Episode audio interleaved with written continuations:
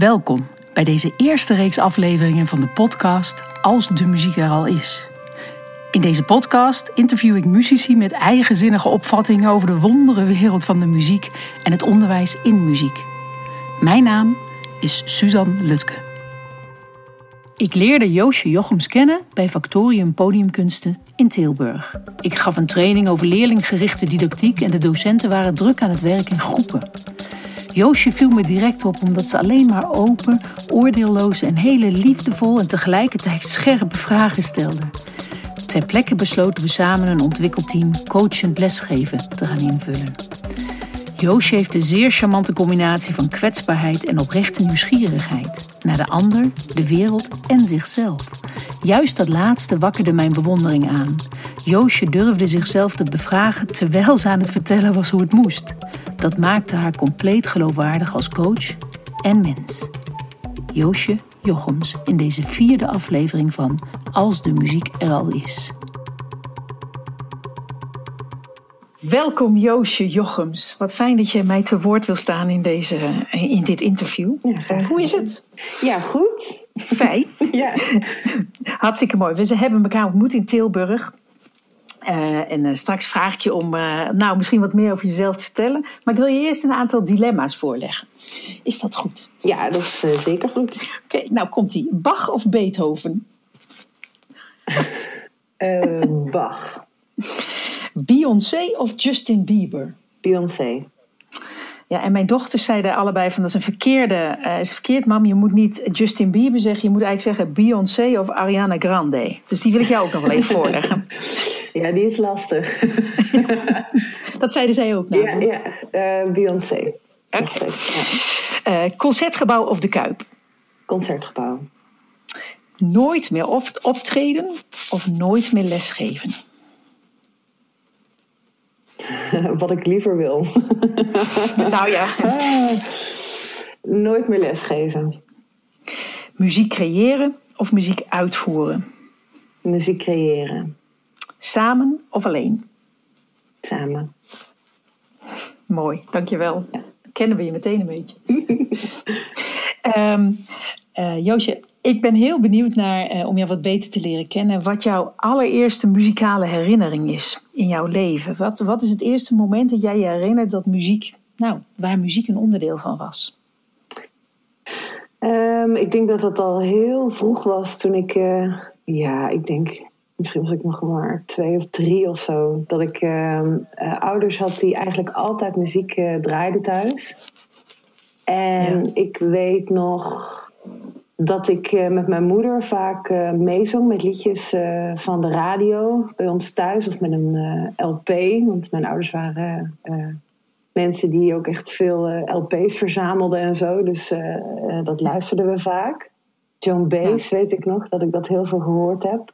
Gaaf. En Simon Garfunkel. En ja, die liedjes die zongen we mee thuis. En uh, ik weet ook nog dat we op een gegeven moment een, uh, voor de eerste keer een stereotoren kregen. Waar we cd'tjes in konden draaien en cassettes af konden spelen.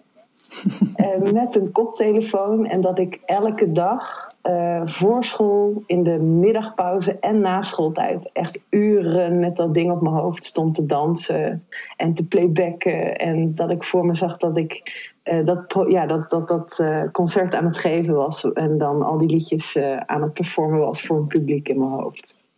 Wat gaaf. Ja. Hey, en als je, als je terugkijkt in die geschiedenis hè, van jezelf.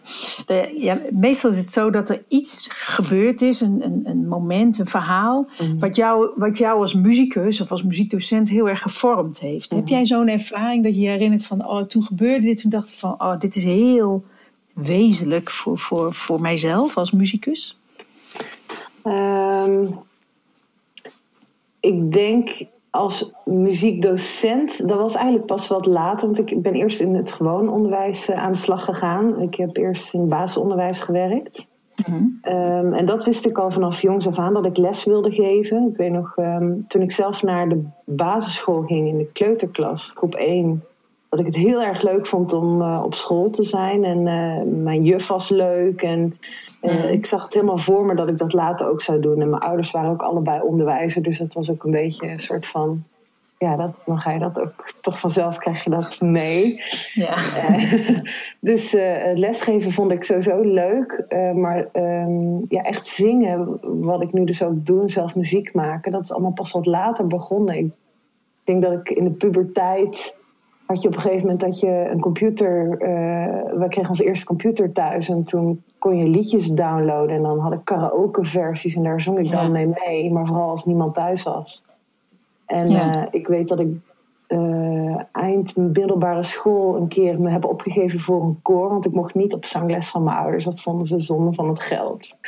En toen ben ik bij een koor gegaan. En dat, ik weet nog de eerste keer dat ik daar ging kijken. Dat ik tussen die mensen in zat. En ze zeiden, oh nou luister maar gewoon mee. En het eerste liedje, en ze begonnen. En ik om mij heen waren allemaal stemmen en dat ik echt met een meter kippervel zo tussen die mensen stond van... Oh, wat vet is dit. Ik denk dat Weet je nog wat het liedje was? Weet je nog welk liedje dat was? Nee, ik, ja. het was een gospelliedje. Ik weet niet oh, meer precies welk. Maar het was echt... Ja, en, en, en die stem om me heen dat ik dacht... Oh, die cocon zo. Oh, wat lekker. Ja. ja en, en toen was denk ik wel echt een noodzaak van ja, ik denk dat ik hier wel echt serieus iets mee wil. En misschien moet ik dan mm wat vaak ook het aan andere mensen laten horen dan alleen thuis als niemand uh, thuis is. Ja. ja. en als je jezelf als, eh, want je beschrijft al, je bent eigenlijk, uh, nou, je, je eigen muzikale verleden, maar als je jezelf nu als muzikale persoonlijkheid zou moeten beschrijven, wie, wie en wat en hoe ben jij? Wat, wat, wat, weet, wat moeten mensen van jou weten? Of niet? Maar... ja, dat, is, dat, is, wel een heftige vraag. ja, dat ehm, weet ik. ik denk dat ik als muzikaal persoon nog niet uh, uitontwikkeld ben. Ik geloof dat, dat je daar je hele leven lang nog uh, naar aan het zoeken bent. Mhm. Maar als ik gewoon puur kijk naar gewoon muziek aan zich, uh, is voor mij noodzaak. Ik moet iedere dag met muziek bezig zijn voor mezelf om daarnaast ook een goede zangcoach te zijn of uh, muziekdocent. Mhm. Eh, dat is noodzakelijk, want ik zou het uh, heel hypocriet van mezelf vinden als ik zelf iets aan het lesgeven ben waar ik zelf niet mee bezig ben. En mhm. als muzikaal mens, ik, ja, ik zou gewoon geen dag zonder muziek kunnen. Ehm, ook het luisteren zie ik ook met muziek bezig zijn. Ja. Ehm, ja. En wat kenmerkt jou dan? Hè, wat, wat, hoe, als we jou zien, wat zien we dan? Wat zien we dan voor muzikaal? Wat gebeurt er? Wat gebeurt er met mij als ik jou ga zien uh, zingen? Of... Ik denk dat je ziet Joosje uh, vanuit de kern, gewoon zoals ik ben, uh, vanuit mijn hart. Ik doe niets wat me niet raakt zelf. Mhm. Ehm, ik zing ook niks wat, wat niet vanuit mijn uh, gevoel komt of wat vanuit mijn hart start. En uh, er is altijd een verhaal. En iets wat ik wil delen met, met een ander of met het publiek. Ehm, een boodschap of een noodzaak of een, ja, een verhaal. Ja. en wat is dan bijvoorbeeld een stuk waarvan je zegt van nou, dit is een voorbeeld van zo'n stuk wat zo dicht bij mij zit. Mhm. Dat, uh, heb, jij zo'n, heb je een lijflied misschien wel? Ja, dat klinkt misschien wat heftiger dan ik het bedoel. Maar... Nou, ik, heb er, ik heb er wel wat, meerdere hoor. Ik heb uh, inmiddels ook best wel veel liedjes al geschreven zelf. Ja. Ehm, en die liedjes gaan altijd wel over, ja, gewoon hele wezenlijke dingen. Over de liefde, over uh, iets wat me raakt. omdat het zo mooi is om te zien bijvoorbeeld. Mm ik heb afgelopen jaar een heel album gemaakt over uh, de liefde en uh, liefdesverhalen hier uit de woonplaats waar ik uh, woon. Ja, en waar is dat ook alweer? In Tilburg. Oh ja, precies. En ik heb die liedjes ja, geschreven gebaseerd op die liefdesverhalen die we van inwoners kregen. En mm. ik vond gewoon dat die liefdesverhalen verteld moesten worden. Mensen die uh, over het algemeen vaak niet zo snel een podium zullen hebben. Of uh, uh, waar, waar heel makkelijk, die makkelijk toegankelijk zijn. Misschien oudere mensen die in een verzorgingstehuis zitten bijvoorbeeld. Hmm. Die hebben dan zo'n prachtige liefdesgeschiedenis. En ik dacht, ja, dat verhaal dat moet gewoon verteld worden. En, het was zo mooi om dan dat verhaal te horen en dan het om te zetten in ja, ons verhaal, maar dan op muziek. En dat het dan een liedje werkt. Ja, wat tragische dingen. Ja, het was echt, ja, het was heel ehm, persoonlijk werd het uiteindelijk. Een heel persoonlijk project, terwijl het juist uh, gebaseerd was op verhalen van andere mensen. Maar omdat je toch dan een heel uh, oprechte connectie maakt met de mensen met wie je in gesprek gaat. En ja, dat was gewoon heel bijzonder. Ja. Heel mooi, heel mooi. Het is uh, wel leuk natuurlijk van een podcast, is dat we dat kunnen laten horen. Dus dat. Uh, hey, um, uh, ik heb je ontmoet in Tilburg als, als muziekpedagoog, mhm. muziekcoach noem je jezelf, hè? zangcoach noem je jezelf. Hè? Ja, ja. Um, wat doe je allemaal rondom dat, dat, je zangcoaching, je onderwijs? Wat voor soort dingen doe jij? Um, ik geef uh, les op Factorium, op gewoon de muziekschool in Tilburg. Mm um, en daarnaast uh, ben ik uh, leidinggevende aan de vooropleiding van de Rock Academie. Mm -hmm. dat doe ik ook op, binnen Factorium, maar het is een op zich staande cursus. En mm ik maak dan eigenlijk alle planningen en de begroting en ik stuur mijn team aan. En daarnaast geef ik dan zelf ook nog les binnen de cursus. Mm ja, dat is te gek. En het is ook heel leuk om met zulke getalenteerde studenten te werken. Ook mensen die echt uh, ook hun banen van willen maken. Dat je ze ook een stukje helpt bewust worden van waar begin je eigenlijk aan als je professioneel muzikant wil worden. Ja, um, dat is leuk. Je noemt het woord talent. En professionaliteit in één zin valt me op. Ja. want hoe zit dat? Eh, hoe zit dat als jij uh, het muzikaal talent is in, in ons veld een woord wat heel vaak valt. Hè? Ja. Um, hoe, hoe kijk je daar tegenaan? Wat is volgens jou een, muzikaal talent? Kun je dat eens beschrijven? Um, een muzikaal talent um, is denk ik iemand met vanuit zichzelf al een, een grote aanleg voor muzikaliteit. En talent zie ik dan iemand die echt iets bijzonders heeft. Dus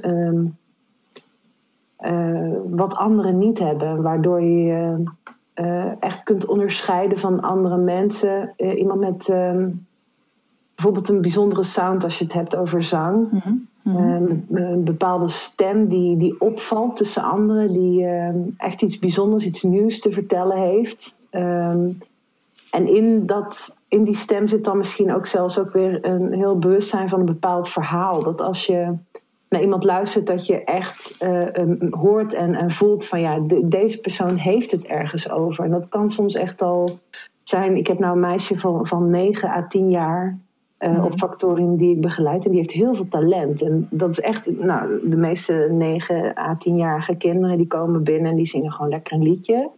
Maar als mhm. zij zingt, dan uh, hoor en voel je gewoon iets extra's. En je denkt, oh wacht even, dit is al zo'n eigen verhaal. En voor een kind van 9 à 10 jaar verwacht je dat helemaal niet. Ja, ja het is zo grappig. In, in het boek staat een hoofdstuk. Uh, dat heet De mythe van het muzikaal talent. Mhm. en dat gaat over de vraag in hoeverre muzikaal talent nou eigenlijk iets is wat, je, wat aangeboren is of wat uh, ontwikkelbaar is. Hoe kijk jij daar tegenaan?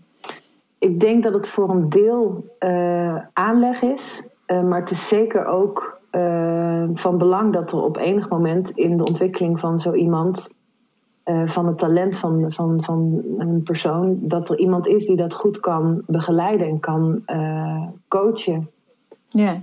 En wat, want dat is ook wel een interessante vraag voor hè, mensen die in het regulier onderwijs werken, of sowieso. Mm als je dan kijkt naar muzikaal talent, waar, zou jij, waar, waar zouden ze dan naar kunnen kijken eigenlijk? Van, hè, we hebben een, laten we zeggen, een groep uh, zes leerlingen en de juf gaat zingen met ze. Waar zou zo'n juf op kunnen letten? Of, um, het zit vaak, wat ik zie bij mensen die een groot talent hebben, uh, of, hè, of een talent hebben, dat ze. Um, daar zie je het al aan, aan de manier waarop ze bewegen. En, en zie je het aan het lijf. Dan zit er muziek in het lijf als je uh, kinderen hebt die uh, talent hebben, dat dat in het lijf zit. En dat zie ik uh, eigenlijk bij iedereen met wie ik gewerkt heb, um, die dan een uitzonderlijk talent hebben of uh, talent hebben, dat je ziet al op jonge leeftijd dat er iets is in de manier waarop mensen bewegen en hoe ze in hun lijf zitten. Ik kan het niet specifieker uitleggen, maar het is uh, ik heb bij uh, bijvoorbeeld een keer bij harp-examens gezeten of bij uh, audities voor violisten. En dat is dan helemaal niet mijn vakgebied. Nee. Maar op het moment dat dan zo iemand speelt, zie ik iets in het lijf dat er een soort van souplesse, een natuurlijke ehm, beweging in zit. Dat ik denk, ja, dit is gewoon overtuigend. Dit is ehm, één met het instrument. En ja Ehm, ik denk ook dat talent uh, een bepaalde overtuiging heeft dat je geraakt wordt uh, als, ja. als persoon. En ik geloof dat iedereen dat kan voelen of, of niet kan voelen. Dus ja. daar heb je zelf als docent niet een speciale skill voor nodig, denk ik. Ik denk dat je heel goed weet wat je raakt en wat niet. Ja. En, en je bent, wat je zegt, je bent zangcoach, je bent er echt mee bezig. Mm -hmm. um, als jij jezelf, welke uitgangspunten of overtuigingen staan centraal in, in jouw lesgeven? In de manier waarop jij uh, jonge en wat oudere mensen begeleidt in hun, uh, in hun muzikale ontwikkeling? Ja, um, als coach of als docent of um, hoe je het ook wil noemen, ik, ik vind het heel belangrijk dat mensen uh, bepaalde skills ook door het zingen en door de lessen die ze bij mij dan volgen, leren dat ze ook zelfredzaam kunnen zijn. Dat ze zelfvertrouwen ontwikkelen, dat ze zelfkritisch kunnen zijn, dat ze um, ja, echt, echt op eigen benen leren staan. En het enige wat ik eigenlijk als coach uh, uh, waar ik naartoe werk, is dat ik ze de tools geef om zelf uh, vooruit te kunnen en zelf te ontwikkelen verder. maar het grootste compliment wat ze mij vaak kunnen geven, is dan op een gegeven moment zeggen van ja, Joos, ik, ik weet nou precies wat ik moet doen. ik heb ja. goed geoefend. Ik weet het nu, dank je wel. En dan gewoon zeggen van nou, dan ga ik het nou zelf proberen, dag. Echt op die manier. Dus Uh, Leuk. Ja, die, die zelfredzaamheid. Ik vind dat een heel uh, belangrijk ding. En zelfvertrouwen, zeker als je het hebt over vocalisten, dat is natuurlijk heel persoonlijk. Ja. Hey, en, en hoe doe je dat? Hè? Hoe, leer, hoe leer je ze dat aan? Hoe zorg je ervoor dat, dat ze zelfredzaam worden? Hè? Daar hadden we het ook over, een coachende grondhouding. Ja. Um, hoe, hoe doe je dat? Um, bij mij begint dat al bij um, uh, op het moment uh, dat ze binnenkomen uh, in een sessie of een les bij mij, dat ik hun vraag wat ze willen leren. Mm-hmm. Um, aan het begin, als ik ze voor de eerste keer zie, bespreken we samen wat het plan gaat zijn. Dus waar, waarom kom je voor les? Wat wil je bereiken? Wat is je doel? Um, uh, en dan uh, per les gaat dat eigenlijk door. Dus uh, hè, we weten dat je graag bijvoorbeeld meer zelfvertrouwen wil op het podium. Mm-hmm. waar gaan we dan deze les aan werken om te zorgen dat we naar dat doel toewerken? En dan bereiden ze het ook zelf voor. Dat vind ik ook een belangrijke vereiste voor een les. Dat mensen zelf actief zijn in het voorbereiden van hun eigen les. Dus dat ze een nummer kiezen. En als ze er echt niet aan uitkomen, kan ik ze altijd natuurlijk wel adviseren of helpen. Maar ik vind het heel belangrijk dat we starten vanuit iets wat ze zelf, uh, ja, wat ze belangrijk vinden of wat ze raakt of waar ze iets mee hebben. En, um, maar dan... als je, oh sorry, ja, als je nou. Um... Dan zeg je, uh, dus je begint bij, bij de studenten van wat, waar, waar wordt het bij jou wakker, waar, waar wil je heen eigenlijk. Mm-hmm. Maar hoe, hoe doe je dat dan in een context van een school, een muziekschool of, ja. of, of de rockacademie? Want daar, ja, ze worden ook verwacht om bepaalde opbrengsten, ja. uh, nee, om in dat systeem een plek te hebben. Hoe doe jij ja. dat? Um, nou, uh, je moet dan echt met de leerling ook vertellen, of uh, je moet met de leerling bespreken wat er um, inderdaad dan in het systeem van ze wordt verwacht. Dus uh, uh, er is altijd een, een, een, checklist of een rapport of een lijst van uh, skills die we dan in ieder geval moeten afchecken aan het einde mm-hmm. van het jaar. Mm-hmm. Um, en als ze op een muziekschool zitten of, ja, of dat ze een examenrichting doen of een vrije richting, daar is een groot verschil dan ja. in. Maar als ze examenrichting doen, inderdaad, je moet naar een examen toewerken. Ja. Um, ik vind dat het een verantwoordelijkheid is van de docent uh, dat je uh, ook even kijkt naar wat dat dan is. Wat, wat zijn die eisen en, en ben je het ermee eens? Of hè, zitten daar nog um, verbeterpunten? Ja. Um, ik vind het ook uh, een goed ding om daar dan over in gesprek te gaan, ook met de school zelf. Dat heb ik ja. dit jaar toevallig ook gedaan voor vocals op de muziekschool. Ja. Want er stonden uh, uh, ja, exameneisen die waren eigenlijk best wel wat verouderd. En het was niet meer van toepassing, ook niet op de lichte muziek, popmuziek richting die we nu hebben. Uh, wat ik belangrijk vind dat leerlingen moeten kunnen. Um, maar wat ik dan doe is eigenlijk die eisen aan het begin van het jaar met een leerling bespreken. Dus dat zij ook weten van, nou, we werken dus hier naartoe. Ja. En hoe gaan we dat doen? En dat is een gezamenlijke een gezamenlijk gesprek en we maken een gezamenlijk plan uh, waarvan we allebei denk van nou, hier kunnen we mee werken. Dus je maakt eigenlijk, je zou kunnen zeggen dat jij het kader schept van nou, hé, hey, dit is. en daarbinnen geef je de student of de leerling zelf verantwoordelijkheid over zijn ontwikkeling. Ja. Door hem zelf. En als je dan kijkt naar toetsingen, want dat is natuurlijk, je werkt ook op een HBO, de Rock Academie is een HBO-opleiding. Ja. Uh, en ook binnen, binnen muziekscholen heb je Mhm. te maken met uh, nou, examens doen. En uh, hoe, hoe, hoe, hoe doe je dat? Want als, als, als je de leerling verantwoordelijkheid geeft over zijn eigen ontwikkeling, hoe, Mhm. hoe, hoe, nou ja, hoe verbind je dat dan aan een toetsmoment? Ja, het toetsmoment um, is in de constructie vaak nog in het reguliere muziekonderwijs. Dat het vaak gestoeld is op één moment waarop dat dan getoetst wordt. Mm -hmm. Nou is het natuurlijk voor vocals uh, of voor zang is dat uh, redelijk uh, um, um, ja, toegankelijk om te zetten in dan ja, in mijn ogen een performance. Omdat ik denk, ja, een vocalist die heeft dan gewerkt aan een liedje.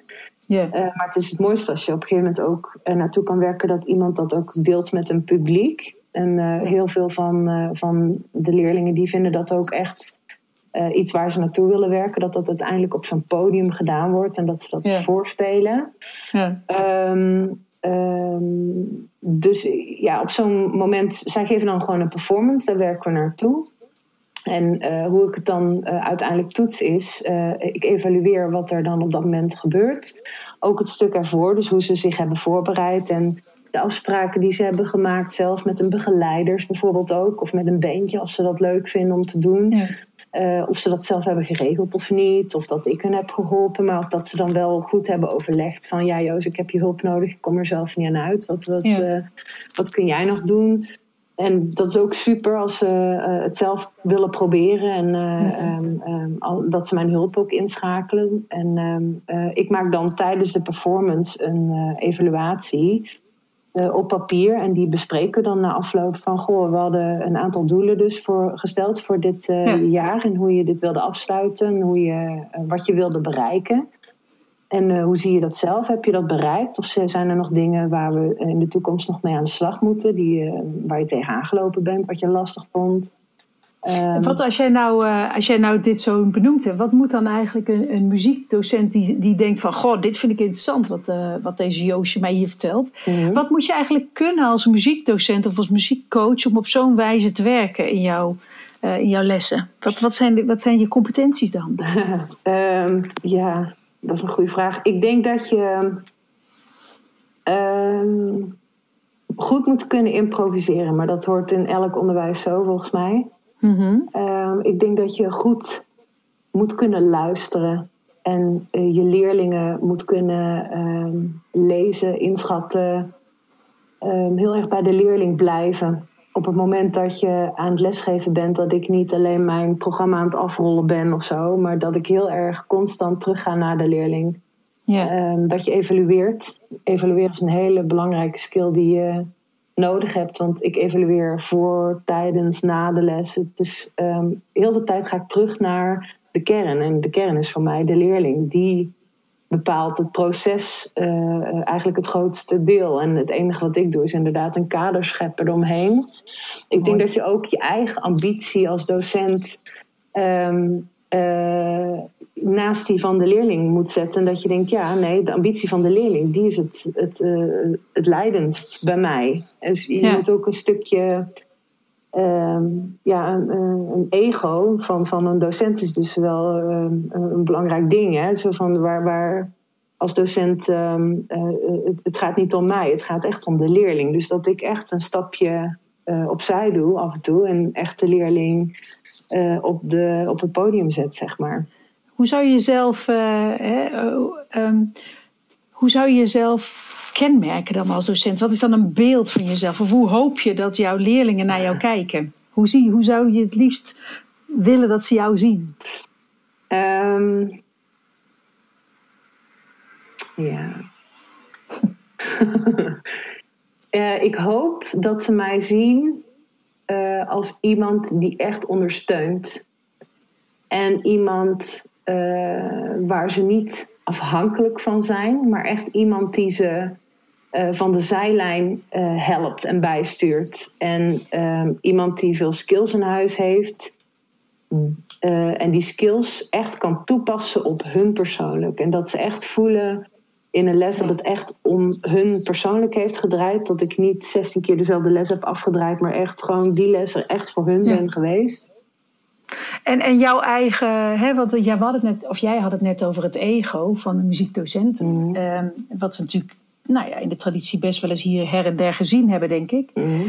Hoe zit het nou met je eigen muzikantschap? Dat is een vraag die ik heel veel krijg van muziekdocenten. Van ja, maar ik ben toch ook muzikant? Ga ik dan alleen maar een beetje die ander coachen? Hoe zit het dan met mijn eigen muzikantschap? Ja. Hoe werkt dat voor jou?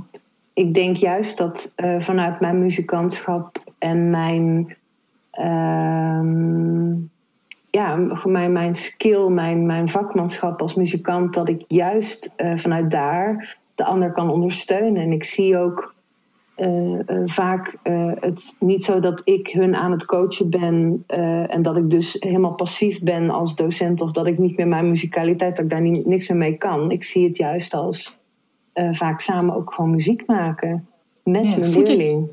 Ja, dus het voedt jouw muzikantschap eigenlijk ook, zeg je? Jouw ja, ja, zeker. Tot op bepaalde hoogte natuurlijk. en bij de ene leerling zul je dat meer hebben dan bij de ander.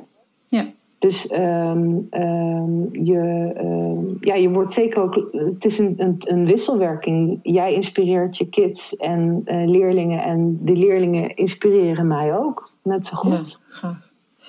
Heel gaaf. Hey, uh, ik heb jou eerder die, de, de, die bouwstenen gestuurd die, uh, die, die uit in het boek voortkomen mhm. uit, uh, nou, uit de theorieën over leren, ontwikkeling, motivatie. Ja. Als jij naar die tien bouwstenen kijkt, welke van die bouwstenen zeg je van, kijk, dat is nou, dat is nou typisch één die, of misschien wel twee of drie, die heel erg passen bij, mijn, bij waar ik in geloof als, als muziekprofessional? Ja, degene die mij gelijk al uh, in het oog sprong, Ehm, is uh, muziek en het muziekonderwijs brengt mensen in verbinding met zichzelf, met de ander, de wereld en onbegrijpbare schoonheid. Die vond ik heel erg mooi. Kun je dat eens toelichten hoe dat, waar, hè, waar, dat ja, ik begrijp het eigenlijk uit je eerder verhaal, uit je eigen album, ja. wat je gedaan hebt, dat dat eigenlijk een voorbeeld is van dit punt, hè? Ja, ja, ja het is. Uh, ik geloof dat muziek uh, ja, noodzakelijk is in de wereld. Voor wie dan ook. En of je nou talent hebt of niet. Of um, uh, bijzonder, iets bijzonders te vertellen of niet. Het maakt niet uit. Het, het muziek kan altijd verbinding maken. Dus um, of het nou is op, op, basis van we maken samen muziek en we creëren iets nieuws. Of we gaan samen dansen. Of we mhm. zingen mee met z'n allen. Um, we luisteren naar iets moois. Um, ja, overal is muziek. Dus ik, ja, um, je maakt verbinding met jezelf. Dat hoor ik ook eigenlijk heel vaak terug, ook in, in het lesgeven van leerlingen, dat ze muziek zien als op het moment dat ik muziek luister, dan kan dan soms helpt het bij emoties, uh, om, om dat te verwerken, om ja. bij mezelf te komen, om even uh, rustig te worden of wat dan ook. En ja ik vind het fijn om met mijn moeder naar de CD van Ilse de Lange te luisteren. Ja. Uh, of om de wereld te begrijpen. Uh, om over bepaalde uh, dingen na te denken. En ja, ja ongrijpbare schoonheid. Ja, mooi. Ja, nou, het is grappig. Dat woord heb ik ook zelf.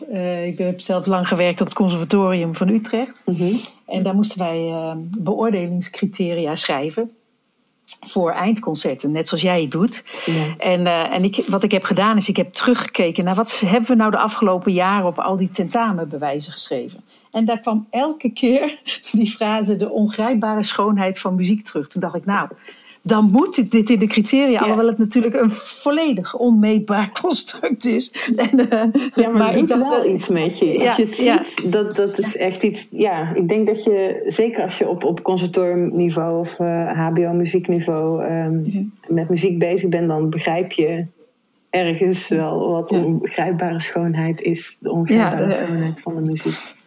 Grappig. Hey, um, ik, de volgende vraag gaat eigenlijk um, ook, hè, het is een beetje in connectie hiermee. Mm hè, waar muziek ons in, in contact zet met onszelf, de ander en de wereld. Ik vroeg Mhm. mij af, als jij, als, we naar die, als jij naar die wereld kijkt, hè, Mhm. zie jij dan ontwikkelingen, veranderingen, trends in, in de wereld, in de samenleving, die voor jou relevant zijn voor jouw werk als, als, als zangcoach, als muzikant, zangcoach? Ja, ja ehm, de ontwikkelingen die ik zie in de wereld is eh, in eerste instantie dat mensen individualistischer worden, dat ze eh, eenzamer worden in mijn hoofd soms.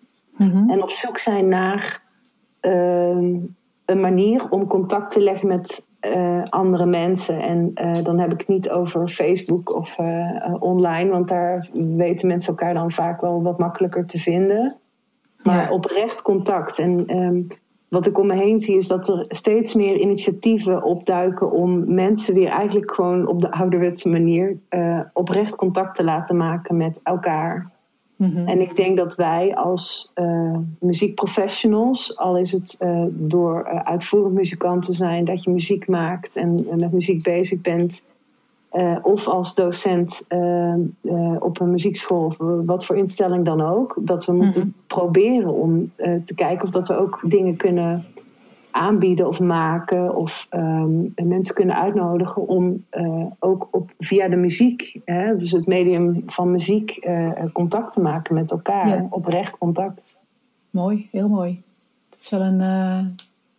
Ja, dat is een ontroerend antwoord. Het ontroert me, merk ik.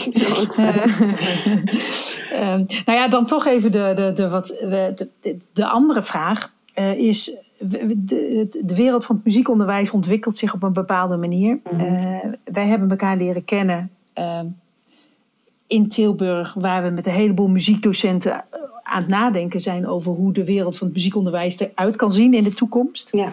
Als, jij nou, als ik jou nou eens uitnodig om op de zeepkist te gaan staan, zou je, als je het wil, als je het niet wil, vind, begrijp ik het ook. Maar zijn er dingen waarvan jij zegt dat moet echt anders in de praktijk van het muziekonderwijs, zoals jij die om je heen ziet? Je zegt van ja, maar jongens, dit moeten we echt met z'n allen aanpakken, want dit is niet oké dat het zo gaat. ja. Nou, ik wil wel op die zeepkist hoor, geen probleem. Nou, kom maar op. Eh, ik denk ehm, dat, en dan ben ik echt even de advocaat van de duivel, maar ik, ik denk dat ehm, het, het conservatieve van hoe het muziekonderwijs in elkaar zit. Dus eh, op conservatoria en eh, eigenlijk in de conservatoria worden de nieuwe generatie docenten muziek opgeleid ook hè, voor een deel. Ehm, eh, ja, dat daar eigenlijk heel veel ehm, eh, angst zit en veel, ja, ook een soort van bepaalde hiërarchie in hoe we naar muziekdocenten kijken. ehm, die we meenemen nog steeds. Terwijl ik denk dat is zwaar gedateerd. Wij zouden veel meer, ehm, wat ik zei over dat ego, dat je Mhm. als muziekdocent niet meer boven je leerling gaat staan en eens gaat vertellen hoe het allemaal moet. Maar dat je juist veel meer die samenwerking zoekt en dat je het veel meer zoekt in eh, het samenwerken met je leerling. Ja. Ehm, eh, ik denk dat daar al zoiets, eh, sowieso iets moois te halen is. Ook omdat we daardoor onze leerlingen ook het gevoel geven dat ze zelf ook aan het stuur staan voor, van hun eigen ontwikkelingen, van hun eigen leerlijn.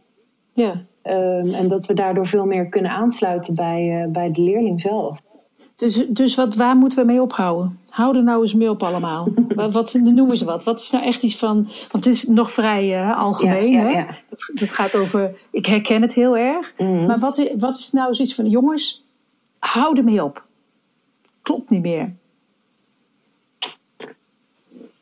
Ja, ik, ik zit even te denken hoe ik het kan verwoorden. Mm. Mm. Vriendelijk. Ja. Eh.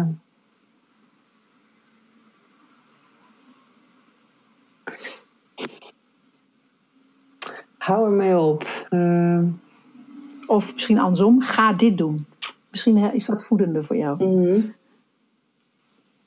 Ga nou eens kijken naar de unieke leerling. De, gewoon, eh, de uniekheid van iedere leerling. Iedere leerling is uniek. En ehm, ehm, zet je oren open. Hou nou even een keer je mond. Uh, probeer eens niet jezelf op de voorgrond te zetten, maar uh, zet die leerling uh, op de voorgrond en luister nou. En kijk nou eens echt naar wat die leerling eigenlijk zelf al weet en kan. En ga eens kijken of dat je daar gewoon echt samen mee aan de slag kan. Dus ja. luister meer in plaats van vertellen. Ja. ja, mooi. Ja, ik heb honderd. Uh, ik, ik weet niet of jij dat ook hebt. Ik heb dan allemaal mensen in mijn hoofd. Hè? En, ja. zo, goh. en dan. Uh, uh, dit, dit, hele boek en deze hele podcastserie is natuurlijk een, is de bedoeling om mensen ook uit te nodigen om een ander perspectief in te nemen. Ja. dus ik vraag me ook vaak af: wat maakt nou want ik geloof eigenlijk dat mensen helemaal niet graag vanuit hun eigen ego acteren. Hmm. Hè, uiteindelijk. Dus ik vind het ook interessant van hoe komt het nou eigenlijk dat we hier in balans zijn geraakt? Waar zit dat? Uh, ja, ik denk, ik denk dat dat voor een groot deel uh, nog steeds in stand wordt gehouden door de opleidingen. Dus door uh, conservatorium, als je daar. Dat vertel, ik, ik begrijp bijvoorbeeld ook veel stagiaires.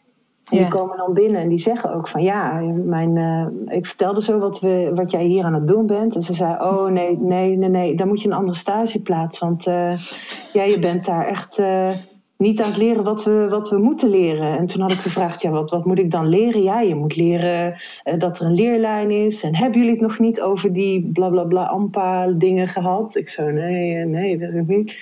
Ah, nou, nou, nou twijfel ik, want uh, ja, mijn juf die zegt dus uh, dat ik dus nu een andere stageplek moet zoeken. Ik zeg, oh, nou, wat vind je zelf dan? Ja, nee, ja, ik, ik, ik voel me eigenlijk wel goed bij wat we hier aan het doen zijn. Ik zeg, ja, nou, ja, ik weet het niet. Je moet zelf een keuze maken. Ja. En, maar dan, dan zeg je dus nog wat meer. Dan zeg je ook de, de, de focus op een methodiek ja. in plaats van die leerling. Ja. Is ook iets waar we, waar, wat we ons kunnen afvragen of, of dat wel de juiste is. Om het maar even voorzichtig te formuleren. Ja, we weten inmiddels dat, dat leerlingen steeds meer um, uh, individuele uh, uh, ja, talenten hebben. En, en, en, en, en sterktepunten hebben. Waarom zouden we... van ontwikkelen. Precies, ja. Dus waarom, waarom zouden we dan één methodiek houden um, en dan dat vanuit daar uh, iedereen, dat iedereen in het gereel moet lopen? Ja, fits all, ja, one fits all. Ja, interessante vraag, hè? Ja. Het is natuurlijk wel, je zou, uh, je zou kunnen bedenken, en dat weet je vast ook, op het moment dat je een, een opleiding wordt, zoals bijvoorbeeld de Rock Academie ja. of het Conservatorium, dan heb je te maken met systemen. Ja. En binnen systemen de vrijheid voelen voor individuele trajecten, mm -hmm. paden, is natuurlijk altijd. Uh, maar goed, ik. Uh, ja, ik, ik, hoor je. Ja, ja zeker. Ja. Nou, individuele paden zijn natuurlijk ook, um, um, of het mogelijk is, hangt ook voor een groot deel af van hoe je baas er ook in staat. Ik heb gelukkig dat ik werk voor een instelling waar je redelijk toch je eigen visie mag meenemen en waar, ja. je, uh, waar ze zeker openstaan voor die discussie. En als jij uh, vanuit je eigen visie als docent kunt uh, verantwoorden waarom dat jij het op een bepaalde manier wil doen, uh, dan staan ja. ze daar zeker open voor. Ook op de Rock Academie staan ze daar zeker voor ja. open. Maar ik, ik, geloof wel dat er instellingen zijn waar dat minder is. Ja, ja. Dat denk ik, ja. hey, um, wij naderen langzaam aan het einde van dit heerlijke interview. um, ik heb nog een paar vraagjes. Um, de, de, in mijn gesprekken met muziekdocenten, muzici, ja kan ik ze vaak wel een soort van open krijgen voor het idee wat wij nou bespreken. Namelijk een, een manier van lesgeven waarin niet die methode leidend is, maar, maar die leerling in zijn persoonlijke ontwikkeling. Mm -hmm. uh, waarin het veel meer gaat over het wezen van de muziek dan over je eigen. Wat jij zo nodig te vertellen hebt. Mm -hmm. En dan komt eigenlijk altijd de volgende vraag: ja, maar hoe dan, Suzanne? Hoe doe ik dat ja. dan in, in de alledaagse dag? En ik vroeg me af: je hebt al eigenlijk al geschetst hoe jij dat doet in je systematieken en in je manier van werken. Ja. Maar heb jij ook een, een soort van een voorbeeld van een werkvorm die jij heel vaak gebruikt, waarvan je zegt: kijk, als je zo'n soort ding doet, uh, dan uh, nou, daar zul je echt verschil merken. Een werkvorm die voor jou heel erg karakteristiek is uh, voor de manier waarop jij werkt. Of waar jij in gelooft. Um, bedoel je dan het coachende, uh, wat ik dan doe bijvoorbeeld, gewoon het, de coachende werkvorm? Of bedoel je nog, nog veel specifieker in een les? Nou ja, nou ja zoals wat jij zegt, zo'n werkvorm waarin die leerling centraal staat. En -huh. niet, uh, he, misschien zeg je wel van ja, ik heb eigenlijk niet echt werkvorm, want het is meer een doseerstijl. Maar misschien heb je ook wel een, ja. een ding wat je doet. Zeg van, nou, dit bijvoorbeeld is daar een heel goed voorbeeld van. Um, ja, ik, uh, ik werk uh, met verschillende werkvormen, want het wisselt ook. Ik, ik, geef bijvoorbeeld ook groepslessen en individuele lessen, mm duolessen. Um, maar ook als ik met duo's of met groepen werk, laat ik heel veel vanuit de groep of vanuit de duo komen. Dus dat mhm. ze elkaar inspireren. Um, en dat ik dan alleen aan uh, de zijkant bijstuur uh, en mhm. ze uitdaag om dingen te doen. Maar dat ik het ze vaak ook zelf dingen laat oplossen.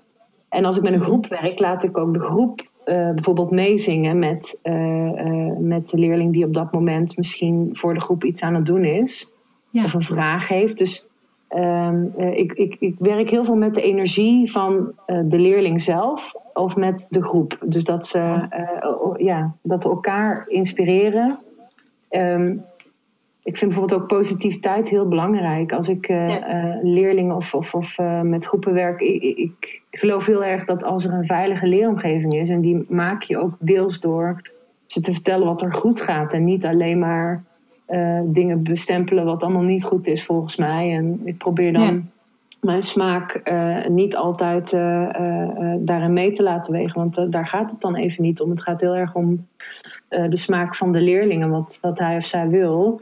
En dat ik positief probeer, probeer, te stimuleren wat er goed gaat. Zodat ze vanuit daar weten van, oh ja, dus dit moest ik doen, dit werkt. En wat werkt er dan? Dus ik hoor in jouw verhaal ook kijken. Ik heb heel veel ehm, te maken met. Ik, ik word vaak gevraagd voor een workshop werken met groepen. Mhm. En dan krijg ik meestal een groep van docenten voor me die, uh, die, die uh, heel moeilijk zitten zuchten. Zeggen ja, we moeten in groepen werken, want er is geen geld meer voor individuele les. Dus nou ja, heb je nog ideeën hoe we dat een beetje leuk kunnen doen? In jouw verhaal hoor ik eigenlijk. Uh, ik hoor eigenlijk dat voor jou de groep bijna een methode is om te werken zoals je werkt. Dus dat het niet, klopt dat? Ja, de groep, je kunt juist, uh, ik vind de leukste lessen die ik doe met een groep vaak, omdat je de groep kan inzetten om, om samen te leren. En als je dat goed kan begeleiden als docent, dus je moet dan ook weer echt goed kunnen aanvoelen wat er op, op een bepaald moment nodig is. Um, ja. Maar ik heb bijvoorbeeld wel eens leerlingen die bijvoorbeeld dan het super lastig vinden om hard te zingen, om meer volume te maken. En uh, ja. uh, ik denk, nou, dan zet ik die groep in. Kunnen jullie het eens met z'n allen zingen? En dan komt er ineens heel veel kabaal en dan zie je zo'n leerling, oh, oké, zo hard kan het dus. En dan, nu allemaal. En nou jij alleen. En kun je dan eens proberen de groep omver te zingen. En dat, dat werkt heel goed. Dan denk ik, ja, zo'n groep kun je uh, ontzettend leuk inzetten. En zo'n groep is ook betrokken. En dat ze elkaar ook helpen, dat er een gezamenlijk leerproces is. Dus Mooi. ik vind het ook belangrijk dat dan zo'n groep ook samen uh, voelt van ja, we zijn samen een groep, we zijn samen aan het leren. En dat ze ook op een gegeven moment dat compliment uh, geven, dat ze dat ook tegen elkaar doen. Dat ze zeggen, ja, dat ging hartstikke goed. Ja, en, en, dat je ze ook elkaar feedback laat geven van, ja, ik denk dat je daar nog aan kan werken. Maar echt, het andere was echt super tof wat je doet. En dat ze elkaar helpen, dat is gewoon, ja, te gek. Superleuk. Hey, uh, nog twee vraagjes. De, de, de, de, eerste is: heb jij. Uh, paraat, heb je een one-liner paraat voor jezelf? Naar al onze, onze lieve collega's in het land die nu aan het luisteren zijn naar ons. Dat je zegt van jongens. En een, ja, iets van een, een, een zin, een inzicht wat je met ze zou willen delen. In één zin. Zo van nou, dit is echt. Uh, hier gaat het wat mij betreft over. Oh god. en, ja, sorry. Ja, die. Uh, oh jeetje. We kunnen alle weetjes, dit kunnen we er allemaal uitknippen, dus dat scheelt. Mm, gelukkig. uh, uh, ja, misschien meer, meerdere. Ik, ik, um,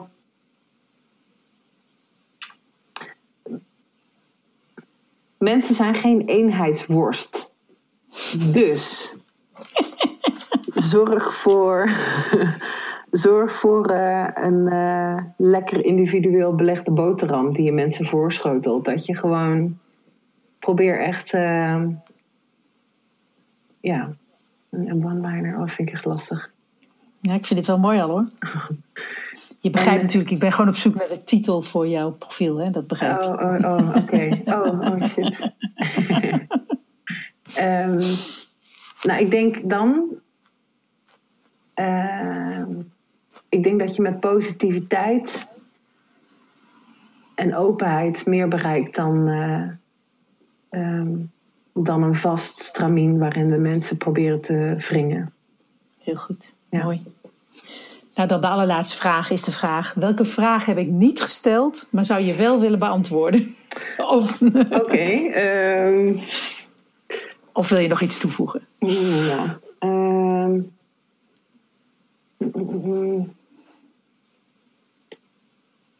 Ja, ik, ik hoop dat het coachend lesgeven, hè, of, of uh, de leerling centraal zetten, dat, dat, niet, dat mensen dat hopelijk niet zien als uh, inderdaad een, een, soort van uh, iets inleveren of zo op je vakmanschap als, als muzikant of als docent.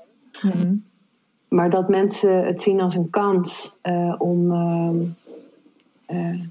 ja, om, om echt nog meer uit een leerling te halen. Want in mijn tien jaar, nog niet zo lang, tien jaar ervaring als docent, denk ik juist dat, dat je daar veel meer mee bereikt.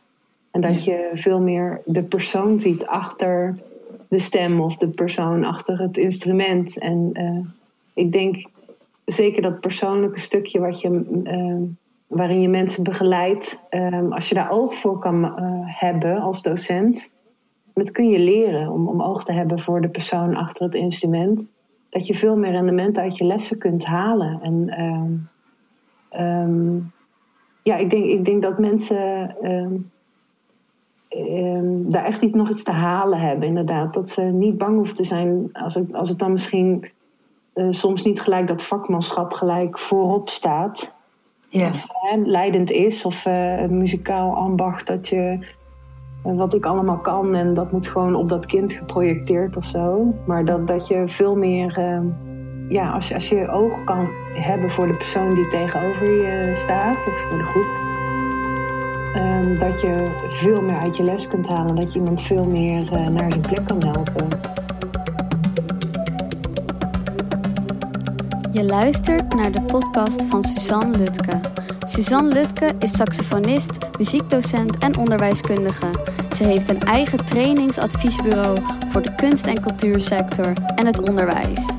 Deze podcast is gebaseerd op de interviews en gesprekken die Suzanne voerde voor haar nieuwe boek Als de muziek er al is. In dit boek daagt ze muzici en muziekdocenten uit om een ander perspectief in te nemen. Wat gebeurt er als we er niet meer van uitgaan dat de docent de leerling muziek moet leren maken, maar dat de docent de leerling uitdaagt zichzelf muzikaal te ontwikkelen? Wat als de muziek er al is in onze leerlingen? Suzanne nodigt je uit om nieuwe vergezichten te verkennen. Haar boek is nu te koop bij de boekhandel. Deze podcast is een integrale weergave van de interviews die je verkort in het boek vindt. Deze podcast is geproduceerd door Suzanne Lutke en Mirna Attia. Mirna is muzikant, zangeres, producer en sounddesigner. Bekijk en beluister haar werk op www.mirnaattia.com. En meer over Suzanne vind je op www.lutkelinkt.nl.